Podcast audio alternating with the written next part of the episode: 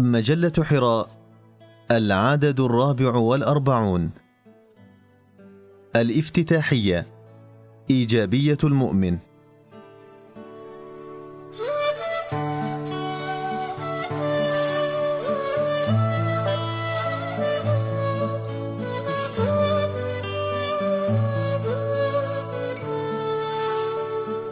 إن المؤمن في كل ما كتبه فتح الله جلن وما يكتبه اليوم وكما يشخص سماته ويرسم ملامحه ليس بالمؤمن السلبي والانكفائي والاعتزالي الذي يرى العالم يحترق بينما يظل هو في مكانه يتفرج على شبوب نيرانه وعلو لهبه من بعيد وأن الأمر كله لا يعنيه بشيء بل هو اقتحامي بكل معاني هذه الكلمة.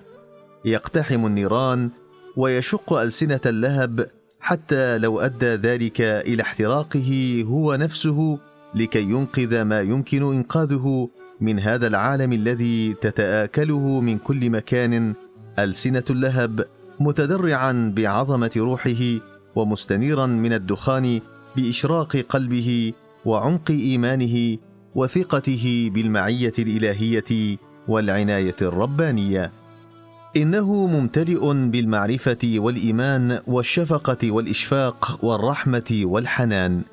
ذو هيئة شماء وهيبة وسناء. أخ للإنسان يمشي على الأرض هونا. جبهته لصيقة التراب وعيونه معلقة بالسماء.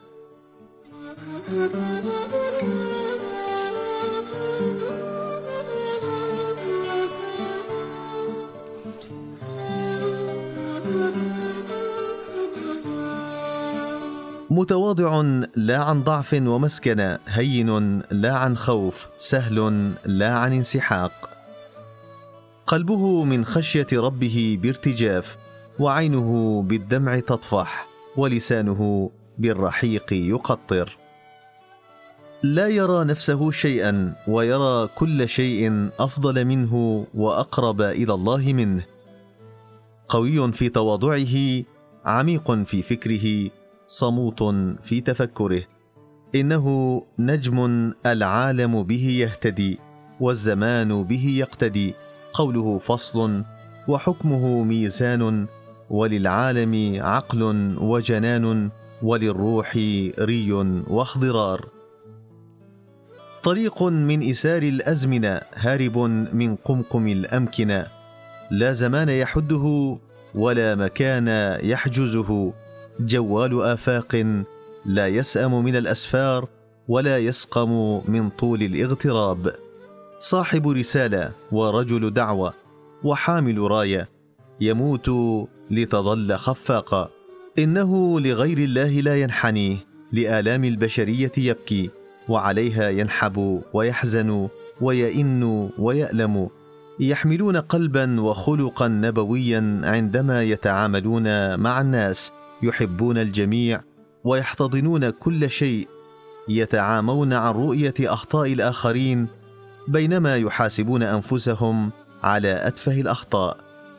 يحبهم الله ويحبونه ينفعلون دوما بمشاعر الحب ويعيشون نشوة هذه المشاعر كما وصف جولان المؤمنين المرجوين في مقاله الافتتاحي من حراء.